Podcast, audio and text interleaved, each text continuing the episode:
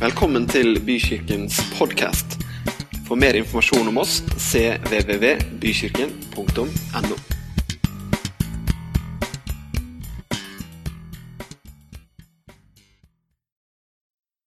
Da skal jeg få lov å dele noen tanker med dere her i formiddag. Og jeg har lyst til å be en bønn først, jeg også. Jeg takker deg, Herre Jesus Kristus, for at du er her midt iblant oss. Takk for at du har gitt oss ditt ord, som vi kan lære av og høre fra deg gjennom, Herre. Så hjelper det oss å høre med våre indre ører, med vårt hjerte, sånn at vi kan få noe ut av dette. Takk, Helligånd, for at du er den som gir ord inn i hjertene våre som ikke mennesker taler at du er her og gjør det også i formiddag. I Jesu navn. Amen. Eh, Bent Ove spurte, pastor her, eh, Bent Ove spurte om jeg kunne tale. Eh, han hadde et ferdig tema til meg også. Han sendte halve prekena i tillegg. Nei da. Nei, kvalitetssikring kalles det. Nei, men i hvert fall Temaet i dag er 'velkommen uansett'. Og for dere som går ofte i kirken her, så har dere helt sikkert hørt den setningen. Fordi at den har blitt som vi sier, promotert. Da. Liksom, eh, 'Velkommen uansett til Bykirken'. Eh, så det skal jeg dele noen tanker om.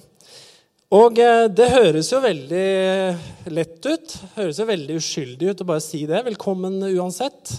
Og det jeg legger i, da, håper jeg ingen tar meg på tolkninga, det er jo det at hit kan du komme uansett hvordan du har det Uansett hva slags livssituasjon du er i, uansett om du føler deg veldig høyt oppe og alt er veldig bra og alt er bare framgang og suksess akkurat nå, eller om du har det veldig vanskelig, eller om du er som de fleste av oss, sånn midt imellom hele tida, egentlig.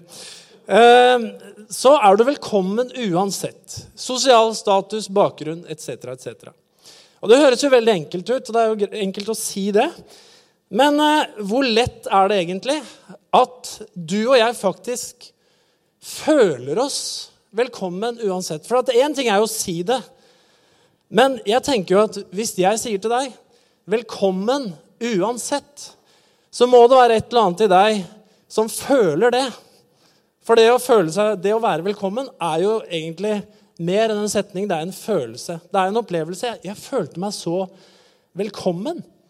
Og Det holder ikke å si jo, men det er et objektivt faktum at du er velkommen her uansett. Ja, men jeg trenger å kjenne det. Det trenger du også. ikke sant? Hvis ikke så går du ut og sier du, jeg følte meg ikke så velkommen egentlig. Så det har med følelsene våre å gjøre. Og så tenkte jeg litt på hvem sitt ansvar er det, da? At, eh, for nå er vi jo Jeg er her, du er her, vi er her. Og nå er det jeg Kanskje jeg har ekstra mye ansvar i dag da, for at du skal føle deg velkommen uansett. Siden jeg snakker, så har jeg større innflytelse enn deg som sitter stille akkurat nå ikke sier noe. Men jeg også burde jo føle meg velkommen her. ikke sant? Det gjelder jo meg òg. Så hvem er det som har ansvar for at eh, man skal kjenne seg velkommen uansett? Er det, må jeg ta det ansvaret sjøl? Eh, er det ditt ansvar at jeg skal føle meg velkommen? Ruth Karin, er det ditt ansvar? Eh, ja, det er litt ditt ansvar. Er det, er det kirka sitt ansvar? Er det bygget? Er det kaffen? Hvem sitt ansvar er det egentlig at du skal oppleve, og jeg skal oppleve, at jeg er velkommen uansett? Og Da skal jeg lese et bibelvers i starten her som ikke høres ut til å ha noe om det her å gjøre, det hele tatt, men det har det. Det er eh, I Romerbrevet kapittel 7 så skriver Paulus om en eh, Han beskriver en stor konflikt som han har Eh, i livet sitt. Eh, eller en spenning han har i livet sitt. Og Den skal vi komme tilbake til etterpå. Eh, og Den spenninga Paulus opplever i livet sitt, sånn kort fortalt, det er at han opplever en avstand mellom idealet, det ideelle måten å leve på, altså loven, som Bibelen kaller det. Men vi kan ha mange idealer. ikke sant? Har, dette er liksom standarden. Sånn burde det være her i livet. Og Så opplever han en avstand mellom idealet sitt og hvordan han faktisk får til å leve livet sitt i forhold til idealet. Og så har han problemer, for det her går ikke helt opp. For han klarer ikke helt å nå opp til idealet sitt. Så han sliter litt med det her, men det skal vi komme tilbake til. Men han avslutter med en slags konklusjon. I vers 25 så sier han Gud være takk ved Jesus Kristus, vår Herre. Slik er altså jeg. Jeg tjener Guds lov med mitt sinn, men syndens lov med mitt kjøtt og blod. Ja, det sier han. Sånn, sånn er altså jeg, faktisk. At jeg har den spenninga mi i livet. At uh, noe i meg ønsker å tjene Gud, og andre ting i meg det går i helt motsatt retning. Så sånn er jeg. Men jeg tjener altså Gud sånn som jeg er, står i en annen oversettelse. Det her har litt med Jeg tror nemlig da at det å høre til et fellesskap, det er jo ubønnhørlig sånn at da må du ha med folk å gjøre. Ellers er du ikke i fellesskap. Du må være i møte med andre mennesker. Og når du er i møte med andre mennesker, så er det også ubønnhørlig sånn at du kommer sånn som du er. Hvis du har konflikter på innsida, så må du ta med deg de inn i møte med mennesker. Og noen ganger så er det veldig vanskelig hvis du har konflikter på innsida. Og det gjør at du kan kanskje føle deg utafor av forskjellige grunner. Du kan kanskje komme inn her og føle deg utafor av en eller annen grunn. Kanskje du har en sosial status som eh, er liksom i mindretall. Kanskje du har en annen farge på huden. Kanskje du har en annen bakgrunn. Kanskje du har en annen økonomisk status enn de fleste du treffer her. Kanskje alderen din er eldre eller yngre enn gjennomsnittet. Det kan være mange grunner da, til at du føler deg annerledes. Kanskje du har gjort noe i historien din som er et sånn stigma på deg, som følger med deg. Ja, det var han som Var ikke det han eller var ikke det hun som var det og det, eller hadde gjort det for en del år siden? Det er vel 20 år siden, ja. Men det er han. Ja, det er han, ja. Altså det, det, kan være Du kommer inn i et rom, så er det sånne ting som gjør at du Er jeg velkommen her? Hvordan ble jeg sett på? Jeg vet ikke om noen av dere så Lindmo, ikke nå, men forrige eh, lørdag. Fredrik Solvang, liksom nummer én i Norge. NRK Debattprogrammet. ikke sant? Jeg mener, Han er stjerna. Han er selvsikker, stiller de rette spørsmåla, er tøff. Flott mann. Sitter og gråter sine modige tårer på Lindmo fordi når han vokste opp, oppvokst i Norge, så hadde han litt annen farge på huden og litt skjevere øyne enn de andre der han vokste opp.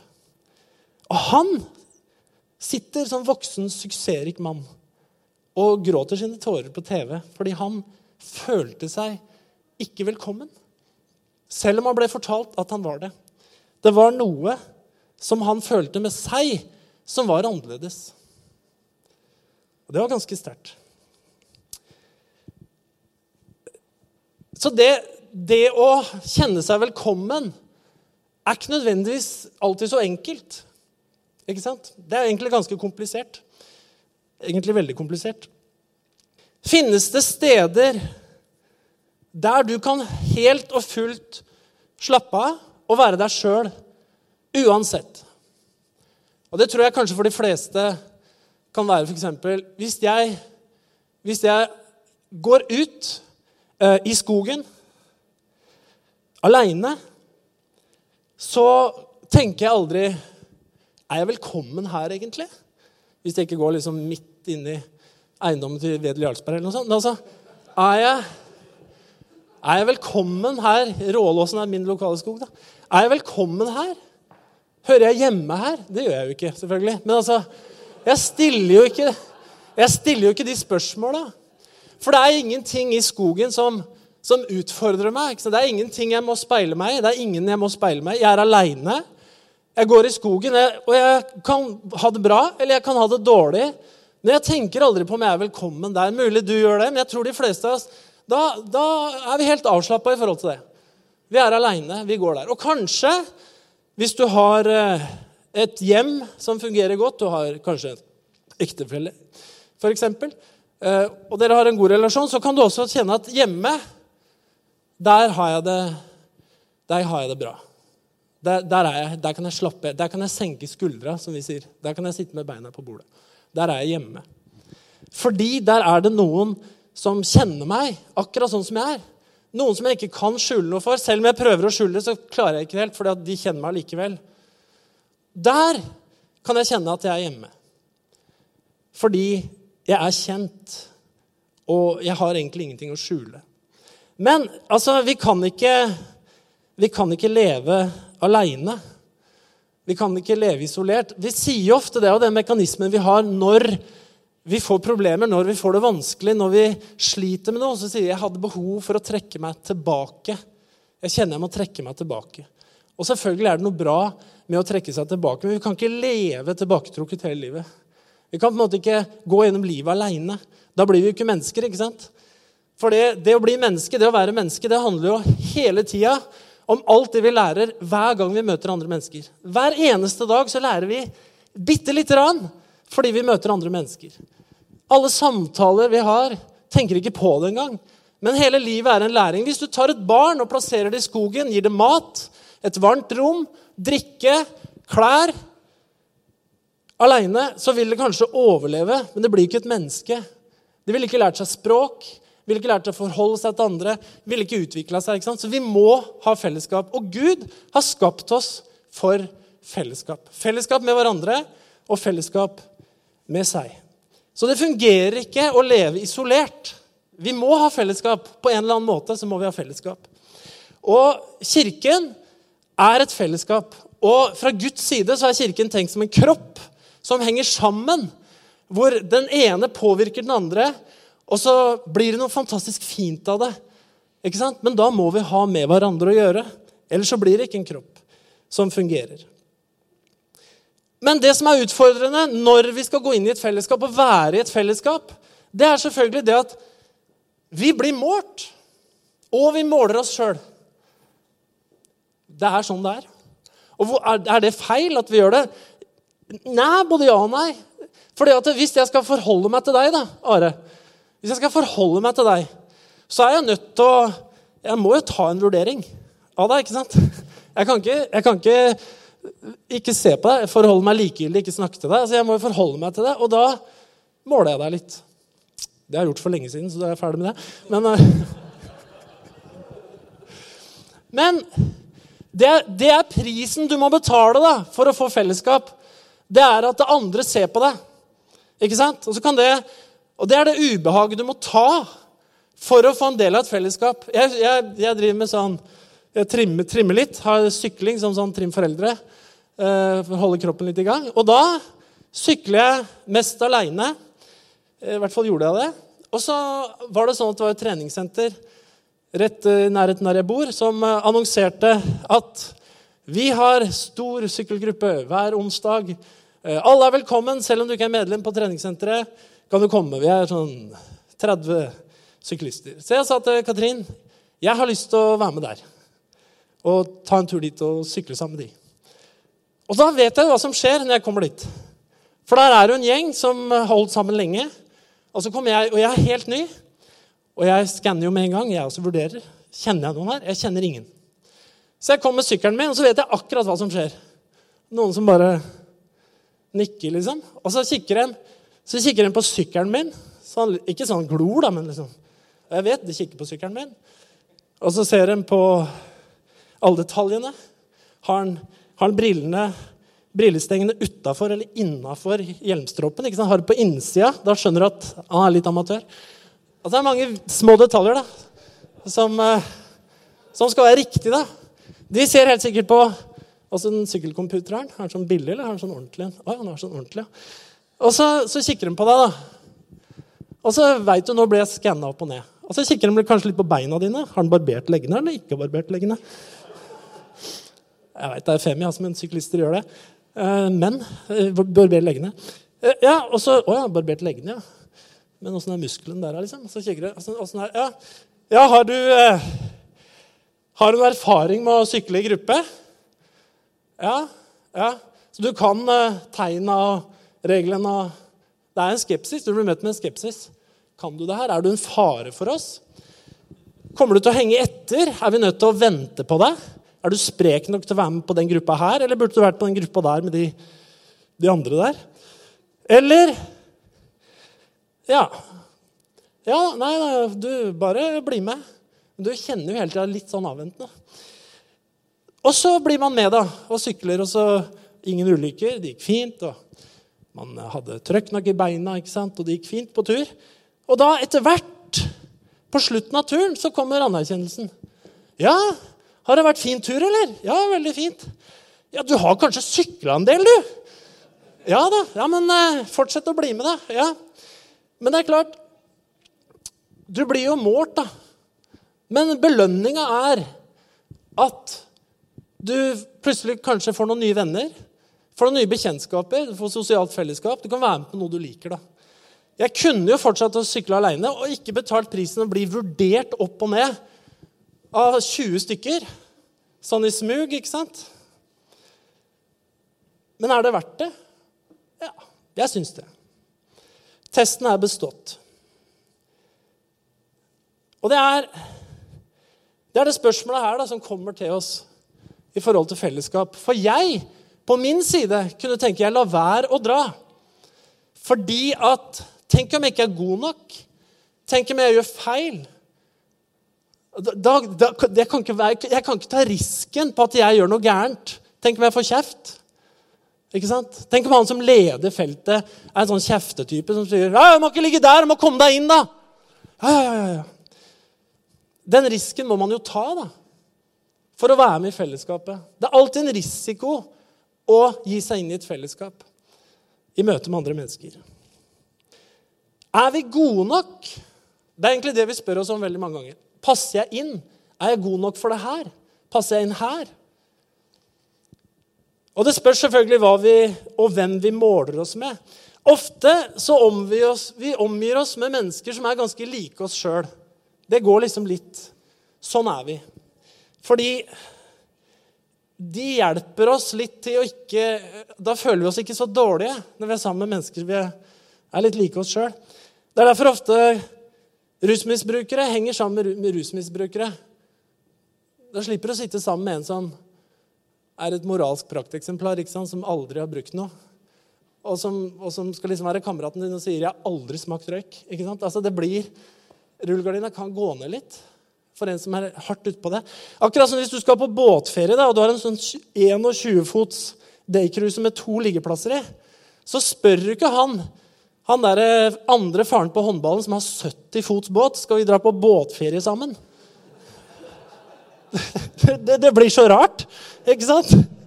Vi skal ned ved svenskekysten. Han har 70 fot, og vi har 21. Vi er sammen på ferie. Vi ligger langside med hverandre. Nei, men vi gjør jo ikke det. Vi spør jo han andre som også har kanskje 22 eller 20 fot. da. Skal vi dra på båtferie sammen? For vi er liksom vi er like, da. Jeg syns det har vært kjempepinlig å være sammen på båtferie med en som har 70 fot båt. Vi er kompiser, vi. Nei da. Da slipper jeg å føle på det, for å si det sånn. Men han ville jo heller ikke følt det var veldig ålreit. Ja, så du er på båtferie med kameraten din, liksom? Er det han Er det han slepejolla bak der? Men vi finner jo gjerne folk, da, som vi er litt sånn like med.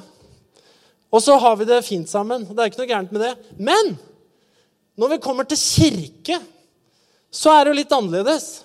For der har du han derre irriterende typen som aldri har smakt røyk og har 70 fot båt, ikke sant? Og så har du han som har vært ute på kjøret og hatt det vanskelig, og har vært gjennom gjeldskriser, som ikke har nåla i veggen, og som ikke har så mye sånt å se fram til. Og så sier vi at vi skal være et fellesskap. vi. Du er velkommen uansett. Og det er kjempefint. Men det er ikke alltid så lett å føle det. Fordi at er vi gode nok, er litt det koker ned til. da. Er jeg god nok? Passer jeg inn? Og kanskje andre jeg er for god. Da kan jeg holde en helt annen preken til en annen gang. Men eh, Er vi gode nok? Er vi bra nok? Passer jeg inn? Og, og, svaret er selvfølgelig for alle at ingen av oss er gode nok. Ingen av oss er det. Ingen av oss er feilfrie. Jeg snakka med en person for ikke så lenge siden som ved en tilfeldighet, eh, delvis tilfeldighet i hvert fall, møtte som var utslått på bakken. Og vi måtte ringe 113. Det ble ambulanse, kom og henta. Og det hadde vært inntak av en kork med GHB. Et skummelt rusmiddel. Så snakka jeg med vedkommende etterpå. Og da hadde jeg sett dette mennesket ligge uverdig på bakken, ikke kontaktbar, så vidt sjangla inn, reagerte når den ble klypet i, i låret. Og en veldig sånn uverdig situasjon. Hadde vært med å få vedkommende inn på sykehuset. Og traff vedkommende etterpå. Og det, det som lyste ut av hele dette mennesket, det var jo skammen. ikke sant? Der kom jeg, som hadde sett henne, sett henne ligge der, ikke sant? vært så ute og nedverdiga det. Og hva føler du nå, sa jeg. Føler du skam? Ja, føler skam. Men det som er Paulus skriver i Rombrevet kapittel 3, vers 10-12. For det står skrevet Det finnes ikke én som er rettferdig. Det finnes ikke en eneste. Det finnes ikke én som forstår, ikke én som søker Gud. Alle har kommet på avveier. Alle er fordervet. Det finnes ikke én som gjør det gode. Ikke en eneste. Det er veldig sånn brutal tekst. Men det han i sammenhengen skriver om, da, det er at grunnleggende så er det noe gærent med oss alle sammen. Vi har alle synda og står uten ære innenfor Gud. Og det er ikke én som er 100% klok. Det er ikke en som er 100% der at man forstår. Det er ikke en som 100% alltid søker Gud i alt og ett. Vi er alle på et sted hvor vi ikke er fullkomne. Vi er alle på et sted hvor vi ikke er gode nok. Men så er det bare sånn at noen svakheter, noen synder, syns bedre enn andre. Men vi har dem alle sammen. Kan være enige om det? Sånn er det, rett og slett. Eh, og det er problemet vårt. Vi lider alle, så lider vi av konsekvensene av syndefallet. Alle gjør det. Eh, naturen vår har synden i seg fortsatt. Vi er frelst, men vi skal bli enda mer frelst. En dag skal til og med kroppen vår bli frelst. Amen. Det blir fint. Men nå er det sånn at vi opplever utilstrekkelighet. Vi opplever alle dårlig samvittighet. Vi opplever at vi ikke når alt det vi skulle. Det kan være små ting. Vi burde ha oppsøkt. ikke sant? Vi burde ha ringt. Vi burde ha tatt vare på. Jeg har dårlig samvittighet for huset. Jeg vet ikke om det er noe stor synd, men det er fint å ta vare på ting. Jeg burde ha vært på besøk. Jeg burde, ikke sant? Det er mange ting vi burde ha gjort, da. Som vi ikke får gjort. Det er mange ting vi, Kanskje en samtale vi burde ha hatt, som vi ikke får tatt. Og så videre, og videre. Det er ikke sikkert vi er veldig plaga av dårlig samvittighet. Hvis vi har skjønt da, at livet er sånn at vi når aldri helt fram på alle områder. Hvis vi har skjønt at sånn er det bare, og samtidig er vi ganske åpne for å ta imot tilgivelse fra Gud og mennesker, så går det som regel veldig bra med samvittigheten. Men noen har jo ikke skjønt det heller. Kanskje et par av dere som sitter i salen her, du, du er så idealistisk. Du skal nå du skal naile alt hele tida, hver eneste gang, hver eneste dag i livet ditt. Hvis ikke så føler du deg mislykka. Og så går du med dårlig samvittighet og er plaga av det. År ut og år inn. Men det, min kjære venn, det går ikke an. Da blir ikke livet verdt å leve. Du må ha nåde med deg sjøl. Fordi at eh, du eh, Loven, idealer, kan egentlig ikke forandre deg noen ting. Gud har faktisk en helt annen løsning på det med forandring enn bud og regler og lover. Og så liker vi ikke å vise svakhet. Vi skjuler svakhetene våre. Det gjør vi alle. Det, det, ligger liksom bare Det gjemmer vi bort. Og så tenker jeg at det er ikke nødvendig å være overveldende utleverende om alt her i livet. Det kreves ikke for å ha fellesskap. Men med noen så er det bra å kunne vise svakhet. Man kan gå og ta en samtale, man kan gå og ta en sjelesorgsamtale f.eks. Du kan gå til en god venn, du kan gå til noen som står der nær, og så kan du vise svakhet. Du trenger nødvendigvis ikke å gå og brette det ut for alle hele tida. Bare bekjenne alt for alle hele tida. Det kan bli også veldig rart, egentlig.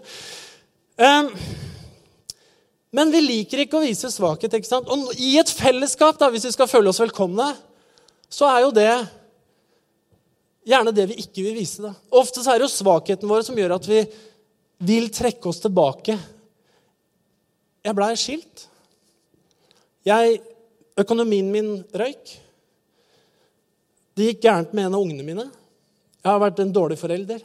Det kan være så mange ting da, som vi kjenner oss mislykka på, som gjør at vi trekker oss tilbake. Og vi har alle ting som vi har mislykkes på.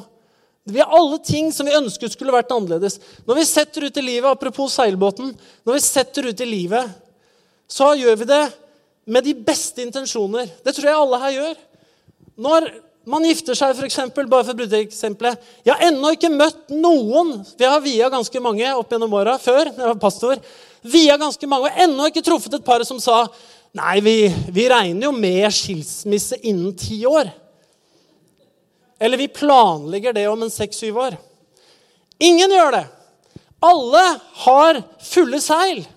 Alle har idealene der oppe. Man lover hverandre tro til døden skiller oss av, ikke sant? Men så skjer det noe på veien da, som ingen ville skulle skje, og så har det skjedd allikevel. Og så trekker vi oss unna. Paulus, den konflikten Jeg skal komme tilbake til den. Vi skal gå tilbake til Romerbrevet kapittel 7. og Da skal jeg lese et litt lengre stykke av den teksten. Og Det er fra vers 14 til 25.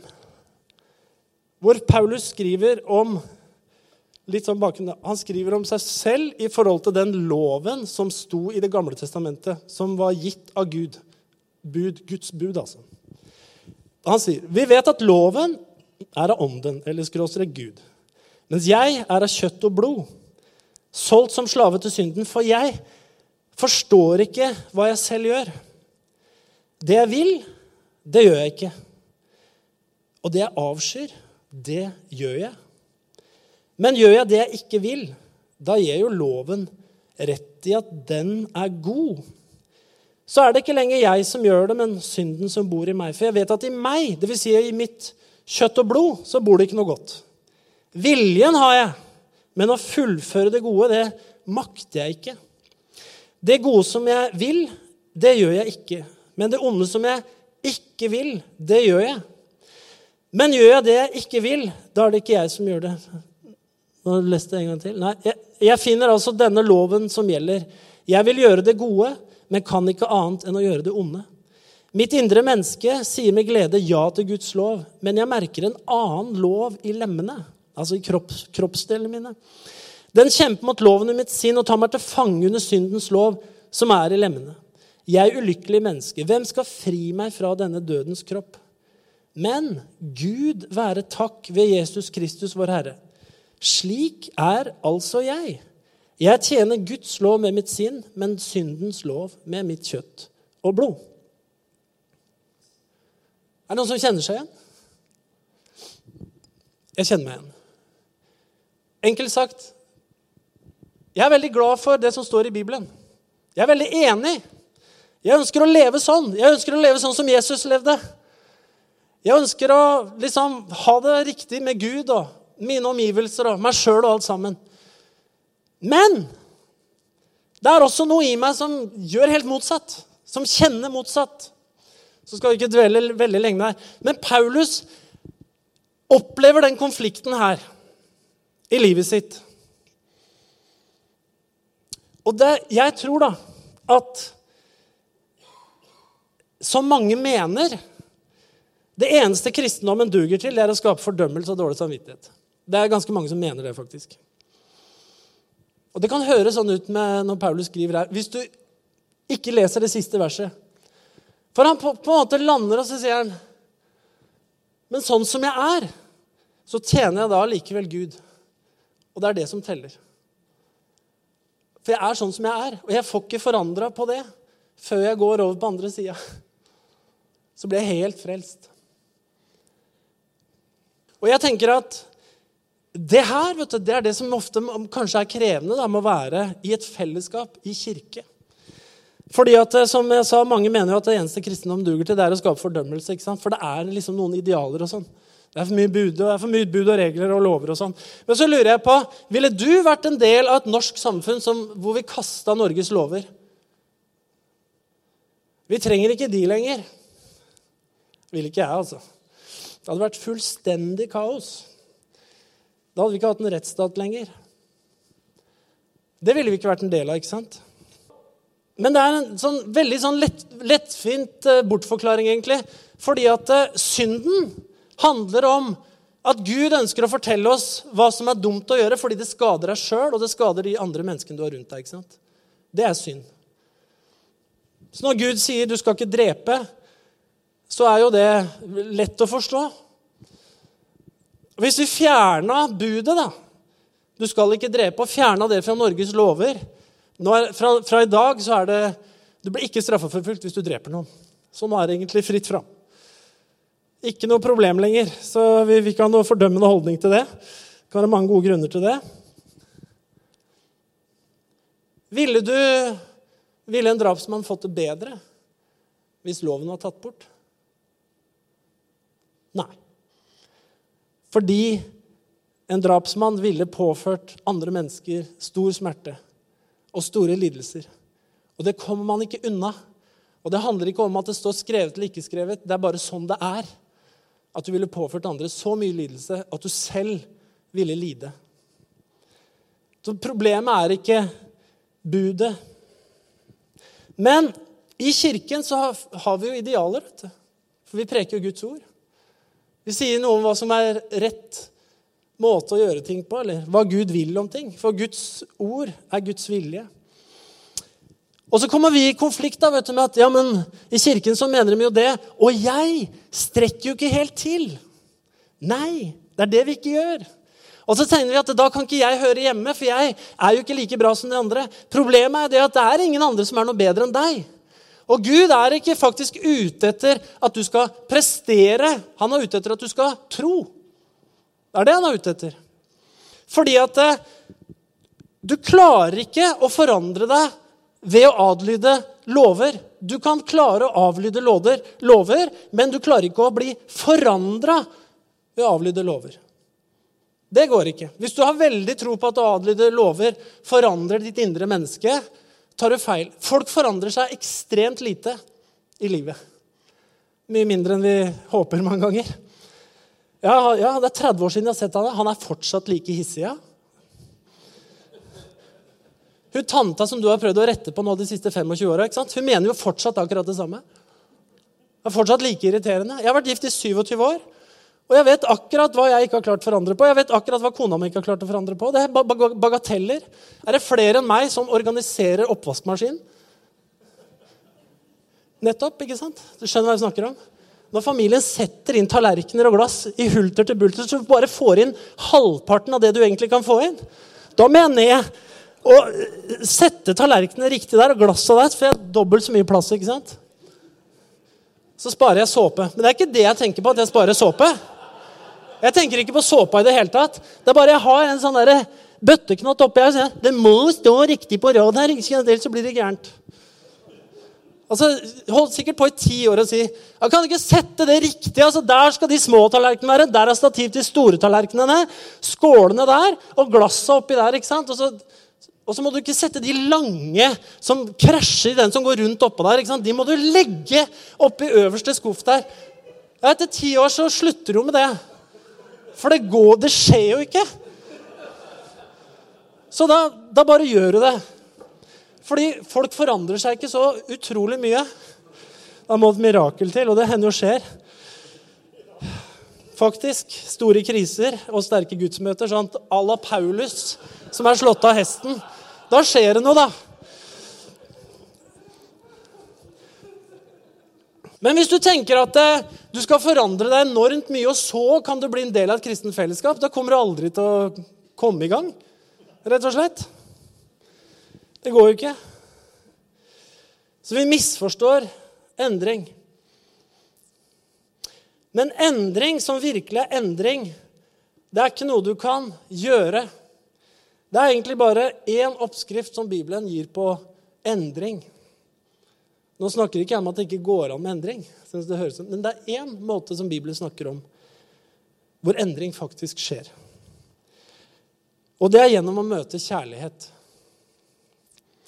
Endring i Det nye testamentet handler ikke om å adlyde, først og fremst. Endring i Nytestamentet handler om å bli influert påvirka av kjærlighet, sånn at det skjer noe inni deg som varer. Og det kalles for frukt. Det kalles for åndens frukt. I Galaterbrevet 5, det er det siste verset jeg skal lese, skal jeg snart avslutte. I Galaterbrevet 5, i vers 22-23, så skriver Paulus.: Men åndens frukt er kjærlighet, glede, fred, overbærenhet, vennlighet, godhet, trofasthet, ydmykhet og selvbeherskelse. Slike ting rammes ikke av loven. Jeg vet ikke åssen det er med frukt hos deg og i hagen din eventuelt. Jeg planta et tre for fire år siden bak garasjen. Og det skjedde jo ikke noe på det treet selvfølgelig, det første året. Det var bare en sånn så høy sak. Eh, og det andre året kom jo ingenting heller. Og det tredje året så så jeg heller ikke noe på det treet. Så jeg sa til Katrin det er jo, ser jo ikke ut til at det blir noe eple på det treet i år heller. Så sier hun til meg det er jo ikke epletre, da. Det er jo plommetre.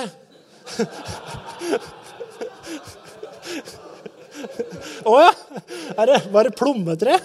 Ja, ja, det var plommetre. Nei, det jeg tror det er epletre, sa jeg. Så neste sommer, da Nå kom det plommer på det, faktisk. Så Det tok så lang tid å få frukt at jeg glemte, jo, glemte hva slags tre det var, rett og slett. Men det er jo greia med frukt, da at det tar jo tid.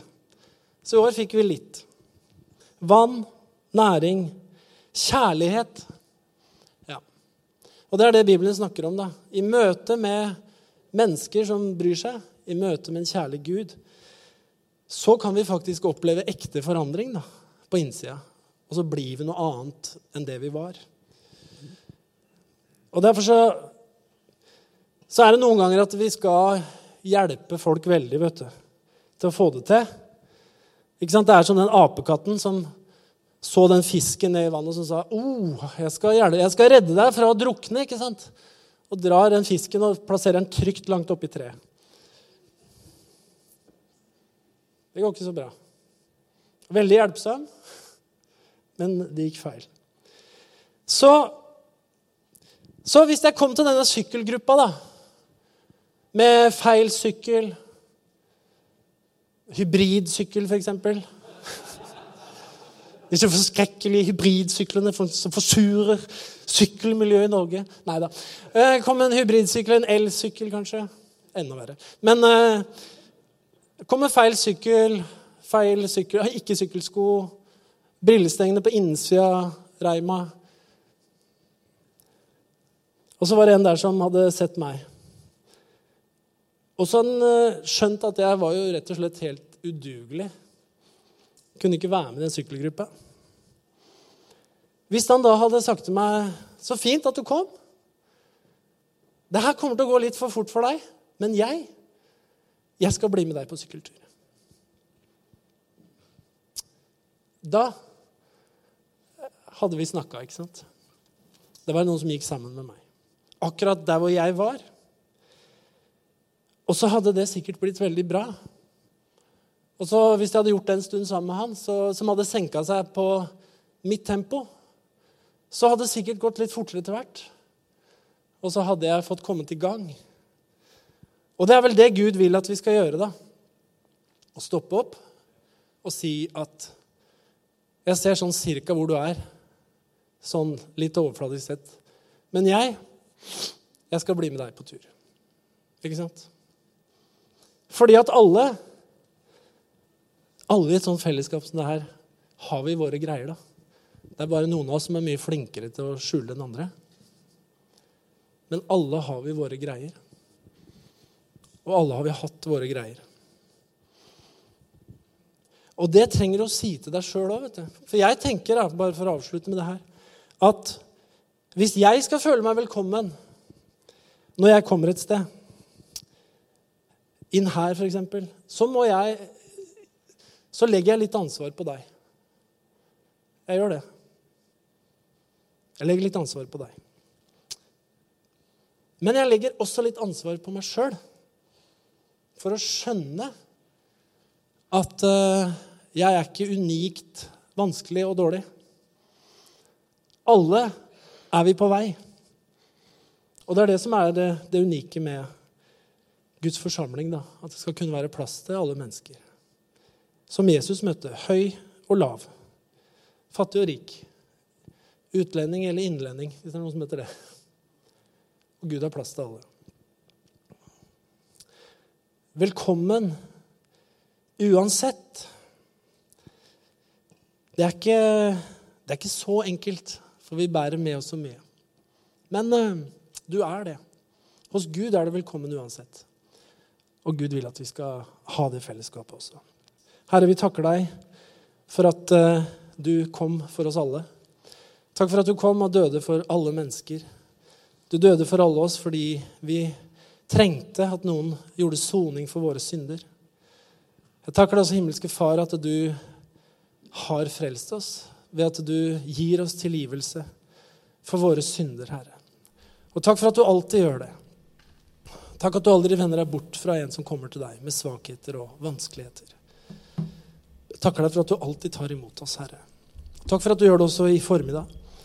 Det er mennesker her inne som kjenner på masse skyld dårlig samvittighet, så takker jeg deg for at din nåde er uendelig. Takk for at selv om vi opplever konflikter inni oss på at vi ønsker det gode, men ikke makter å gjøre det av ulike grunner, på grunn av det som er i oss, så tar du imot oss. Du lar oss tjene deg akkurat sånn som vi er, akkurat der hvor vi er med den historien vi har, det takker vi deg for, Herre.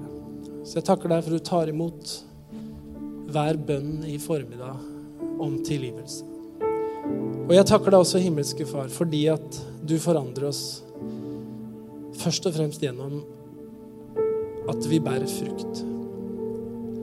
Og så lærer du oss å være litt tålmodige med oss sjøl og med alle som er rundt oss, så vi tåler hverandre så vi tåler å leve sammen. Kan ta imot hverandre der hvor vi er. Jeg takker deg, Herre, for at vi også kan be om visdom til å ta imot hverandre uansett, selv om det er vanskelig. Og jeg, hjelper, jeg ber også, Herre, at du hjelper oss til å kjenne at vi har lov til å være på vei. Vi har lov til å føle forskjellig om ting. Det priser vi deg for. Jeg tror vi kan bare reise oss litt. Vi skal synge litt.